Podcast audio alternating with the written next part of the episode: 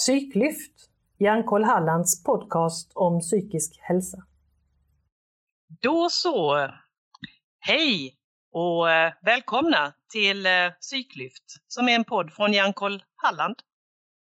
Jag heter Karina Torstensson och eh, i dagens avsnitt ska vi prata om ett ämne som jag tror att alla känner till, men man kanske inte pratar så mycket om det. Och det är sorg. Och jag har med mig Peter för att prata om sorg. Hej Peter! Hej! Hej, välkommen till podden! Tack! Vad, eh, vill du beskriva dig själv eller presentera dig själv lite kort?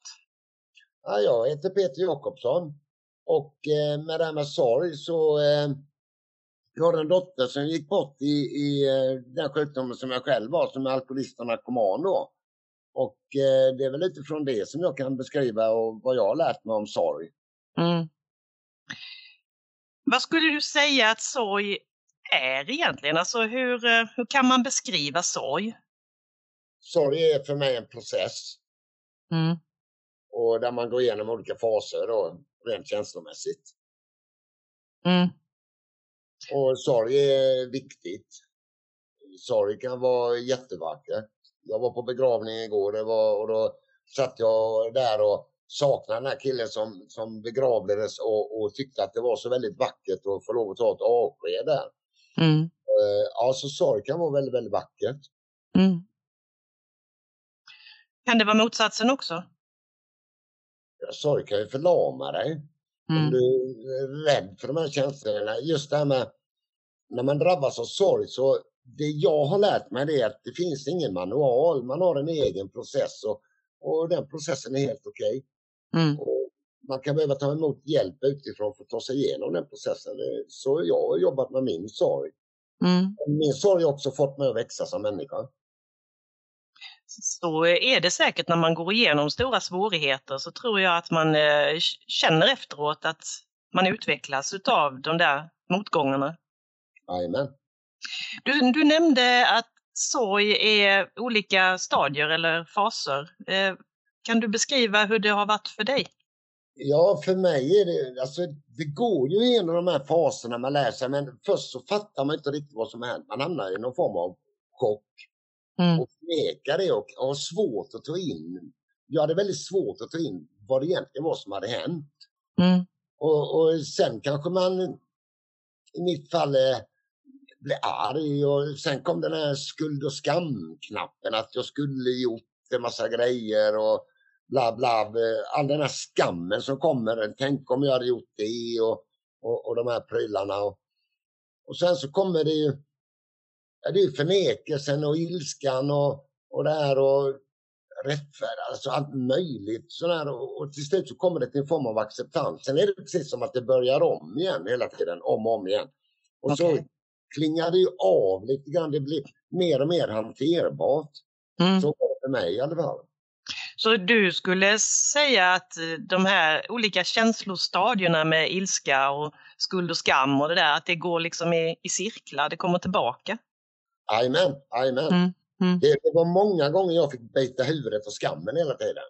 Ja. Att, varför sa jag inte så? Varför gjorde jag inte det? Tänk om jag hade gjort det där? Och, och, och det har ju en del i förnekelsen också att göra att inte vilja acceptera vad det egentligen är som har hänt och varför det har hänt och, och de här grejerna. Och då är det lätt att lägga skuld och skam på sig själv. Mm. Och det, det, finns ju säkert eh, de som kanske känner att de inte vågar släppa fram sorgen eller, eller de här känslorna. Eh, man vågar helt enkelt inte släppa taget för då, av rädsla kanske för eh, att tappa kontrollen eller eller att man inte hittar den rätta känslan och så. Kände du någonting åt det hållet? Att det liksom var svårt att, att sörja? Nej, alltså när jag väl började sörja och väl började fatta den här grejen så var det som att när jag väl släppte på alla de känslorna fullt ut. Så det är som ett snöre. Om sorg är ena sidan och lycka är den andra så var det som att det hörde ihop. För att i den djupaste sorgen skulle jag känna, nästan känna en lyckokänsla, att jag kände sorg. Hur paradoxalt den låter. Och, och, när jag är riktigt, riktigt lycklig så, kan, så är det nästan lite sorgligt också. Det är som att det går ihop. Mm. För mig var det så. Mm. Och då längs det här snöret så kunde du då känna alla de där känslorna som du släppte på? Ja, det är en process mycket att, att komma till en acceptans över hur saker och ting ser ut på riktigt och acceptera mm. det. Och när jag väl accepterar, men då sker det en förändring. Förändring är, ofta så har jag innan velat förändra saker eh, som inte jag velat acceptera. Och då fastnar jag i det. Men när jag väl accepterar någonting fullt ut, då sker ju förändringen. Så har det mm. varit med allting i livet för mig. Hur, hur kan den förändringen yttra sig när det gäller sorg? Hur var det för dig? Jag fick stöd. Jag, jag har ju lärt mig att eh, om man behöver hjälp så finns det hjälp att få. Jag hade vissa sådana här jätteviktiga grejer i mitt. Det var att, till, att få lov att vara i sina känslor. Jag har ju byggt upp ett, ett nätverk av vänner som verkligen är mina vänner. Och jag vet att dagen efter Mira dog så, så kom mina vänner hem till mig och satte på tvn och kollade Champions League. Det hade vi bestämt innan. Och det tog mig nog ett år innan jag fattade hur mycket det betydde att jag bara fick lov att vara glad mm. ledsen. De visade mig att livet fortsätter ändå och vi finns här. Och det fanns mm. ju ingenting att säga. Det var ingen som skulle trösta eller rätta till eller något sånt där. Utan de bara fanns där och det betydde oerhört mycket för mig. Mm. Och just att kunna möta det att eh, så döden är en del av livet ju. Hade vi inte haft döden hade vi inte kunnat vara tacksamma för livet heller ju. Nej. Kände du någon gång att det var märkligt att dina vänner välde in där och satte på fotbollsmatch? Nej, nej. Jag tänkte nog inte Jag var ju inne i min bubbla. Så att jag tänkte inte så mycket på det. Men det var ganska skönt att ha dem runt omkring sig. Mm. Istället för att slippa det där. Om det där är jobbigt att prata om. Det där är, alltså, idag har jag lärt mig om jag stöter på någon man sa så, säger, så ger jag kanske bara en kram för det finns ingenting att säga. Allt. Saker och ting är som de är. Och det finns ingenting jag säger. Det finns ju massor sådana här klyschor. Och tiden läker alla och det försvinner med tiden och bla bla bla. Och det där är bara bullshit. Man, man får ett annat förhållande till sorgen bara. Mm. Sorgen finns där hela tiden och saknaden och det. Mm. Och det är helt okej okay, och det får jag lära mig leva med. Mm. Och du sa ju också att eh, du var i din bubbla. Hur länge går det att säga? Liksom, kommer du ihåg hur länge du var i din bubbla?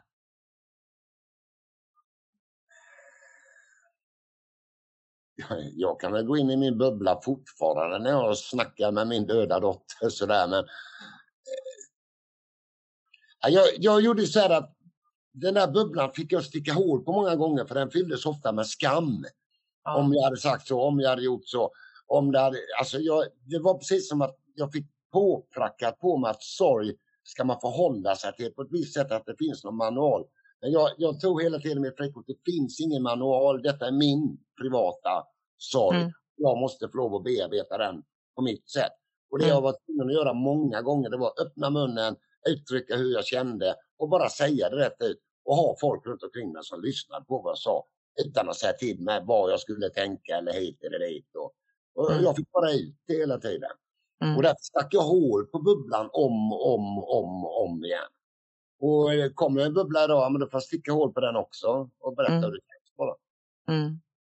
Men att släppa skammen, det, det låter inte som att det bara är att göra. Alltså det, den där, de där tankarna som kommer tillbaka hela tiden. Hur, hur gjorde du för att, att komma ifrån det? Ja, men jag har ju lärt mig det skam trivs ju i mörker. Skam trivs ju när vi håller det hemligt inom oss och då växer den här skammen. Jag menar skam, det är, det är någonting som man måste uttrycka, säga och berätta hela tiden och då bleknar skammen. Då, mm. då bleknar den bort till slut. Men det är, ett, det är ett arbete man får jobba med hela tiden, att ta bort den här. Sen gjorde jag ju, jag tog hjälp utifrån, jag gjorde en sorgbearbetning till exempel. Där, där jag eh, kunde göra en tidslinje. Hur såg min relation ut med Mira egentligen? Liksom på riktigt. Och vilka var höjdpunkterna och de eh, värsta grejerna? Och hur såg det ut på riktigt då? Och, och så kunde jag börja jobba utifrån det, hur min relation var. Och jag kunde kanske be om ursäkt för saker som, som jag tyckte jag behövde be om ursäkt för. Och, och jag kanske kunde förlåta saker som jag tyckte att eh, ja, som jag behövde förlåta. Och, jag kunde skriva det här avskedsbrevet men, men just att, att lina upp den här linjen så att jag såg hur det, hur det var på riktigt. Att, att få kontakt med verkligheten helt enkelt. Mm. Kände du att du innan du gjorde det hade målat upp en, en, eh, en bild som, var, som inte överensstämde med verkligheten eller var det mer att du fastnade i något stadie? Ja, nej, nej, alltså det, det som var plågsamt hela tiden till början, det var det här att man förväntade sig att man skulle bete sig på ett visst sätt, att man skulle känna på ett visst sätt och, och, och att eh, jag trodde så här att när när mitt barn dog så men då skulle jag gräva en grop och lägga en sten över det och aldrig mer andas ungefär. Mm. Att det, skulle, det, det förväntades av mig. Jag kände sådana förväntningar hur jag skulle vara. Jag kommer ihåg första gången efter en vecka eller någonting så åkte jag iväg på resa upp till eh, Trysil och åkte bräda och så kommer jag ihåg att, att i den här sorgen så, så eh, gjorde jag tre svängar i djupsnö som jag bara kände ren lycka och jag skämdes över det så det var helt otroligt. Men då, då gick jag och sa det till mina vänner på det här mötet vi hade liksom och då skulle jag berätta om det att fan jag skäms över att jag kände lyckokänslor och där och, och det är så jag får jobba med det hela tiden, att välkomna mm. alla känslor. Mm. Det är fint av dem. Mm. Alltså jag, jag tänker också, du har ju beskrivit väldigt mycket om känslorna och så, men hur påverkade sorgen mer konkret din vardag? Går det att säga? Ja, så i början när man går omkring i sin bubbla så funkar man väl inte så rationellt eh, jämfört med andra människor och så. Och det väl viktigt att omge sig med människor där man bara får lov att vara då. Men vad som också var viktigt det var att hålla rutinen, att gå upp på morgonen, att göra de här grejerna ändå, att ha den här fyrkantigheten, att ha någon form av struktur. Sen om jag fick gjort något eller inte gjort något, det spelar mindre roll. Men att hålla kvar i strukturen var väldigt viktigt för mig. För mm. att praktiska grejen var ju att man ville ligga i sängen och dra täcket över huvudet och inte göra mm. ett. Och, och, då var jag tvungen att göra tvärtom helt enkelt. Mm. Men... Bussarna fortsatte ju gå trots att Myra hade dött. Ja. Vilket var väldigt förvånande. Att världen var precis som den brukar vara runt omkring. Mm. Och det gäller och det... att fördela den i lite grann sådär, det man orkar. Ja. Och det känner jag igen från många beskrivningar att just den här, liksom, hur, hur kan världen fortsätta röra sig där ute när detta har hänt? Och, och det är väl kanske precis som du säger, det är den där bubblan där, där plötsligt så blir världen väldigt liten. Att det, ja. det här, här, här är jag med min sorg. Ja. Mm. Hade du upplevt eh, sorg på något sätt eh, tidigare, innan Mira dog? Ja, såklart. Jag hade gjort, men det var väl ingenting som... Här, denna gången blev det så konkret att jag var tvungen att möta sorgen helt enkelt. För någonstans tyckte jag, jag kan ju välja då, jag menar, jag är, jag är ändå narkoman i grunden. Jag kunde ju stänga av sorgen för jag hade velat och tagit återfall eller något. Men eh, jag tyckte inte att eh, min dotter var värd det, så jag ville stå kvar och, och, och bara kom igen sorgen. Bara ös på. Det, Mm. Okay, och det, det var en otrolig befrielse att bara släppa på det och bara okej, okay, kom igen då. Mm. Vad du vill liksom. Det, det är som ångest, om man möter ångesten. Alltså, den kommer till ett visst stadium men sen blir det ju inte värre liksom. Mm. över så går man igenom det och sen får man göra det om och om och om och om igen. Mm. Mm. Och då sjunker ju den. Då, då blir det mer hanterbart. Precis. Går det att säga vad, liksom, vad som var det svåraste i den här sorgen som du upplevde? Det svåraste var skammen, skam och skuld. Det, det var, där ville den här destruktiva sidan i mig, där ville den hugga på mig hela tiden. Och eh, dra ner. Att sluta prata med människor, isolera dig istället, eh, dra dig tillbaka, du är jobbig för andra, du, du vill inte, folk vill inte höra om det här längre. Efter ett tag känner man sig tjatig när man, när man berättar att ens barn har dött och sådär liksom. Och, och, och det där och att man anpassar sig vad andra tycker och tänker och känner runt omkring. Och mm. det, det, tycker jag är, kan vara en ganska jobbig bit att gå igenom då. Mm. Men jag behövde göra det för min skull liksom. Mm. Och du har ju beskrivit att du hade människor omkring dig att prata med. Var det. Kände du att det stödet förändrades ju mer tiden gick eller hur, hur upplevde du stödet från omgivningen? Nej, men eh, det jag verkligen kom att förstå det är att vilka fina vänner jag har. Hur mycket jag uppskattar dem. Och, och eh, saker man har tagit för givet innan eh, fick jag verkligen liksom wow, det, det, det är bättre att vara snäll än att vara dum mot människor runt omkring. Det, det är liksom, det, det, är viktigt att bygga de här relationerna som, som betyder någonting. Där man kan vara öppen och sig själv och, och eh, det är väl, alltså jag kan ju, jag kan ju prata med Mira och säga liksom att, att jag är ledsen för att hon är död. Men hon har också tvingat mig att växa som människa och eh, bli mer tacksam över livet och mina vänner och, och, den här biten. Att inte ta så mycket för givet. För vad som helst kan hända, kan hända på en sekund. Liksom. Mm, mm. Och därför så, så har jag fått... Alltså igår på begravningen var verkligen så att jag, att jag verkligen kunde sitta och tycka att fan vad fint det här är att sörja. Mm. Att få lov att göra det fullt ut. För det öppnar också för de andra att, att få lov att vara nära sig själv och, och att vi är ganska lika där allihopa, alla människor. Och att det finns mm. där för andra, att gemenskap betyder väldigt mycket. Man ska inte behöva gå igenom saker ensam för då blir det väldigt stress. Då, då flyttar jag ju in mellan mina öron, de här 15 centimeterna och pratar med den här kommittén som snackar. Och det finns ju alltid någon som snackar skit om en och så mellan de öronen. Och det är bättre att gå utanför öronen och prata och ha de här vännerna. Mm. Och, och, bara vara. Det var mm. jätteenkelt och jätteviktigt för mig. Mm. Och du, du beskriver ju nu till exempel begravningen som du var på nyligen då igår. Mm. Eh, att, att du kunde känna att sorgen var, att det var fint, att, att det var något vackert i det. Går det att känna det när sorgen är så nära så att det är ens barn som har dött? Går det att känna det vackra i sorgen i samband med begravningen, alltså så snart efteråt, tänker jag egentligen?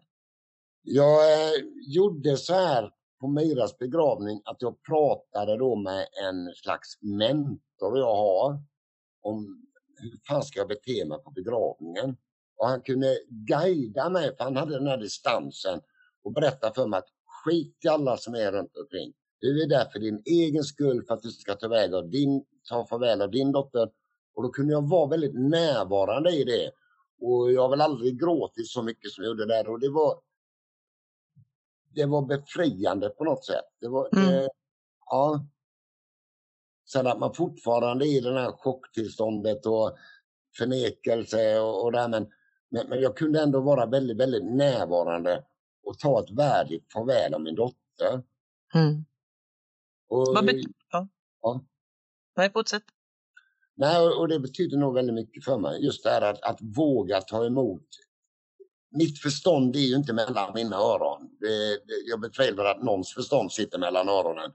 Utan det kommer ju oftast utifrån med människor man kan lita på så och att våga bli vägledd, att våga låta någon annan med distans kanske som inte är känslomässigt eh, så nära eh, leda en av den för att man tror att de vill en väl. Att våga göra den grejen, att våga ta chansen att lita på en annan människa.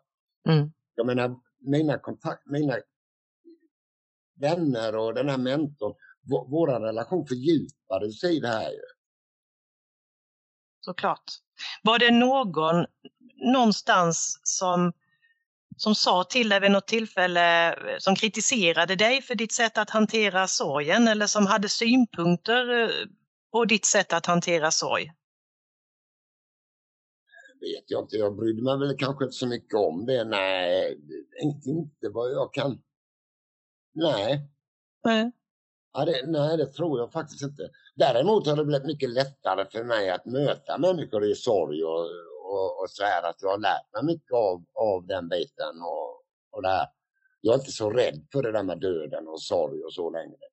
Det är helt okej okay, liksom. Det, eller helt okej okay, var helt fel ord, men, men, men jag kan möta det på ett helt mm. annat sätt. Jag behöver inte ha en massa förklaringar, säga en massa klyschor eller någonting. Man kan bara vara där och vara ett par öron. Mm. Att se och lyssna på människor istället. För det är mycket det det handlar om. Mm. Och du sa att när du nu möter människor i sorg så ofta ger du bara en kram. Ja. Eh, kom, kommer, kommer det då, alltså är det så att många vill prata för att de känner att här finns det någon som, som faktiskt är beredd att ta emot? Ja, ja, men så är det med, med, med, allt. Jag menar, det är väl klart att du är beredd att prata med någon som ser och lyssnar på dig. Mm. Alla människor vill vi bli sedda och lyssnade på. Mm. Det är jätteenkelt, det kan gälla vad som helst, det behöver inte bara vara sorg. Men just det där att inte vara rädd för känslor, att det, det är helt okej att skratta på en begravning också. Mm. Man behöver inte ta ut på ett visst sätt. Nej. Nej, och jag, jag blev nyfiken också på att du, du säger att du pratar med Mia. Finns det något ja. särskilt, någon särskild plats där du gör det eller något särskilt tillfälle eller hur, hur, hur gör du? Nej, men jag kanske har något minne då. Tylösand är ett sånt där ställe där jag kan eh, snacka med henne. Och det är inget prat utan det är mer en känsla av närvaro eller något. Jag, jag vårdar väl något minne eller sådär bara och bara, bara känner mig närvarande med det minnet eller vad det nu är för någonting. Man kan ju flumma till med det hur mycket man vill. Liksom. Men, men eh, nej, det är inte så flummigt. Det är mer att jag jag menar, människorna som dör, jag har ingen aning vad som händer när man dör. Det får jag reda på den dagen liksom. Om det bara blir svart eller vad det blir. Men för de som är runt omkring så det vi har är ju minnena ju. Mm. Dofterna eller vad det nu kan vara i vissa situationer. Det är inte så mycket det där att gå till graven. Nu ska jag gå till graven på söndag för det, det är årsdagen av hennes död och sådär. Men det är inte där som, som jag hänger. Men är det någon som tycker att det är skönt att sitta vid graven och prata så är det okej. Okay. Eller stranden eller när jag sitter i bilen eller när jag bara bastar eller vad fan som helst. Mm. För ibland så kan, nu så kommer skammen så här, nu är det fyra år sedan att nu kan det gå en vecka utan att jag tänker på Mira. Mm. Och så kommer skammen därifrån och så är jag tvungen att säga det och så släpper den lite då liksom. Mm. För att, mm. Andras krav, hur jag tror att människor runt omkring eh, förväntas att jag ska vara eller något sådär. Det, det är väl nog den värsta grejen med allting.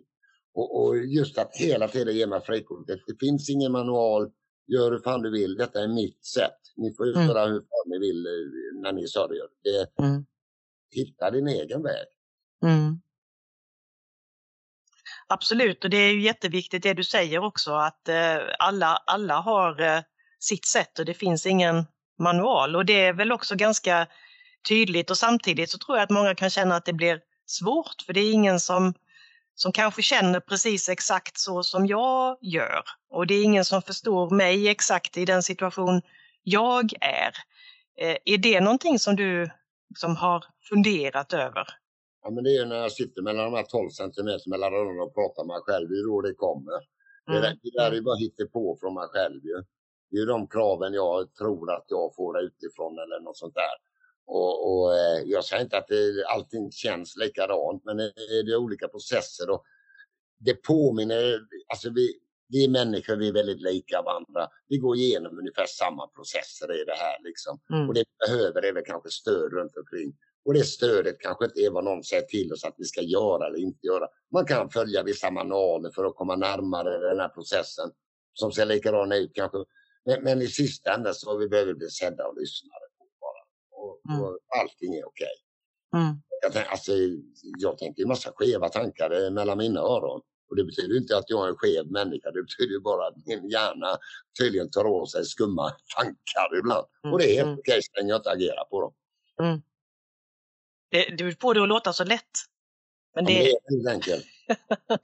ja. Det är så svårt. Det är det enkla som är så svårt. Ja, ja, precis. Och, och jag menar, ta döden i, i, i sig. Jag menar, jag, jag är vans, man blir ju lite intresserad. Jag är vansinnigt fascinerad över hur olika vi, vi tar hand om döden i olika kulturer till exempel. Och, och så här. Och, och, kanske någonting jag tänker på som förmedlar det är att fan, eh, jag var på mig nu några veckor och jag ska göra det nu. Och det är att skriva de här vita sidorna, hur man vill ha det när man dör. För det är jävligt jobbigt för folk runt omkring för att ingen vet vad det är liksom sådär. Så jag ska, jag, jag ska skriva, jag, jag, ska hitta på min egen begravning. Mm. Ni får gärna ha på er glada färger, skratta åt gamla anekdoter Och en sak som jag lärde mig igår, skriva ett sista ord på kistan. Ja. Mm. Jättevackert. Mm. Ja. Ja, och det, det tror jag också är någonting som kan hjälpa både en själv och kanske framförallt de efterlevande att, att ja. veta så här ville han eller hon ha det. Jajamän, så man mm. slipper tänka på det. För det är mycket sånt man, man tänker på. Hur mm. ska det vara hit och dit och, och, och det där liksom. Så att det, egentligen så är det någonting vi kanske alla borde, för, döden kan hända när som helst. Mm, precis. precis. Livet kan vi inte ta för givet. Det har vi till låns en liten stund. Och det är ju den. Efteråt, det är ju intressant men jag personligen tror ju på ett liv före döden. Mm. Och det är ju det är ju det enda som vi vet egentligen, det är ju att vi, det har vi gemensamt. Att ja. livet är ändligt och vi behöver kunna hantera både andras eh, sorg och vår egen sorg och framförallt eh, slut på livet. Då. Ja. Mm. Och just det där när man möter människors sorg, att det finns inga ord, det finns inga lösningar. Alltså det är en process som, som var och en behöver gå igenom på sitt sätt och det tar olika lång tid och, och människor har olika sätt att närma sig detta. Men ett av de sämsta sätten tror jag, det är att skyffla det under mattan, fly ifrån det eller inte möta det. För när man väl möter sorgen fullt ut så är den fan vacker. Mm. Du sa, nämnde nu att den kan ta olika lång tid. Hur, hur lång tid skulle du säga att sorgen och den processen tog för dig? Går det, är, det, är, den, är den klar eller? Eh? Nej, den går aldrig över. Du får ett annat förhållningssätt bara. Och, och sen kan du välja vad du vill ha för förhållningssätt på det. Jag för min del väljer att vara tacksam och, och, och växa i det. Och jag, menar, jag brukar säga så här att vad skulle Mira vilja att jag gjorde? Ligga i en grop med sten över mig eller vill hon att jag ska skratta och skoja liksom? Och så mm. tänkte jag, hur skulle jag vilja att människor runt omkring mig gör när jag dör? Och det är därför jag skriver liksom, fan ha färgglada kläder på er. Jag ska lira rock'n'roll i kyrkan också. Ni ska mm. fan sitta där och hålla takten och tycka liksom shit, nu måste jag skärpa mig, jag är på begravning. Jag ska få er att glömma bort det. Mm. För det är så jag hade velat ge bort det och, och jag tror att, jag menar, människor som dör, vill de att vi ska ha, ha elände efteråt? Det tror inte jag. Nej, och jag tror att det är en väldigt bra tanke att ha med sig att egentligen så ändras kanske inte bilden av den andra människan, den, den som man har förlorat.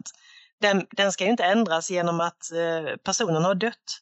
Nej att, att plötsligt är det någonting som är, är sorgligt och tråkigt och så, utan det, bilden är ju kvar av eh, vem det nu kan vara som en glad eller sprallig eller kärleksfull eller vad det nu kan vara för någonting. Och att tänka hur skulle hen ha velat ha det är mm. nog inte, det är ingen dum tanke att ha med sig. Sen var det viktigt för mig på den här sorgbearbetningen att be om ursäkt för grejer jag hade tillkortakommande. När jag ser den här relationen, den verkligen var, så såg jag en massa tillkortakommanden. Att jag var inte riktigt den pappan jag skulle önska att jag vore i alla lägen. Och att be om ursäkt för det. Och samtidigt då om man blir sårad eller någonting av den som dör, att, att kunna förlåta det.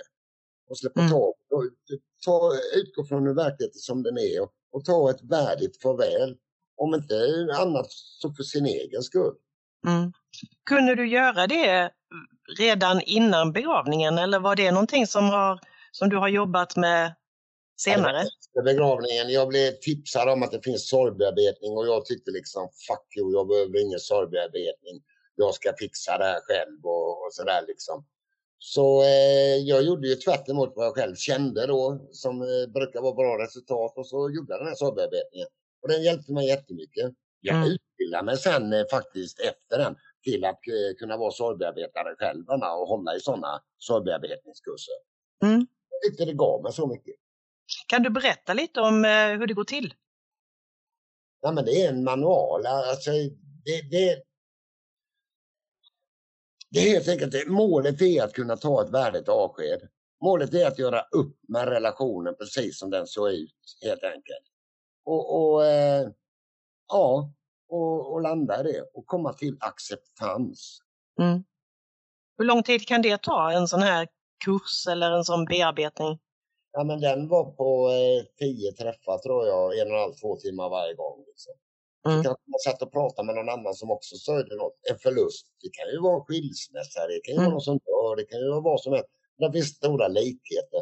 Och ofta så målar jag upp den här döda personen eller den i, i ett skimmer som inte riktigt har med verkligheten att göra. Så det gäller väl att ta ner personen till en, hur det egentligen var och, och, och närma sig det utifrån de faktiska förhållandena istället. Mm. Och det där känner jag igen fast åt andra hållet också att man kan faktiskt måla ner en person också. Och då får man sätta sig ner och fundera över men det fanns ju faktiskt eh, ljusa stunder, eller det fanns mycket gott och det fanns mycket vackert i den människan också. Så att det kan ju vara nyttigt på båda håll, tänker jag. Jajamän, jajamän. Mm. Nej, men att balansera upp det och, och vad ligger hos mig och vad är mitt dåliga samvete och, och det handlar ju mycket om att rensa bort den här skam och skulden. Mm, precis. Och du, du eh, berättade också om att du hade utvecklats som människa utav sorgen och det vill jag ju gärna höra mer om.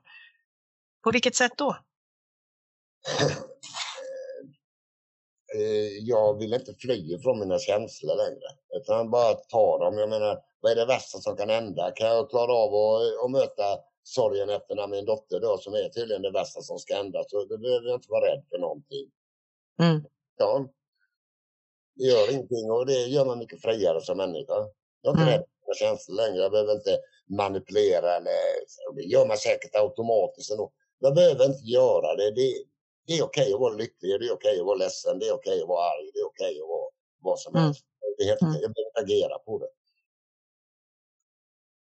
Och du nämnde tidigare också att, att du redan en vecka efter dödsfallet var det, så hade du varit och åkt skidor och kände, ja. kände lycka. Och jag, alltså jag tänker osökt på förr när man klädde sig i svarta kläder och den som var närmast sörjande skulle gå med svarta kläder.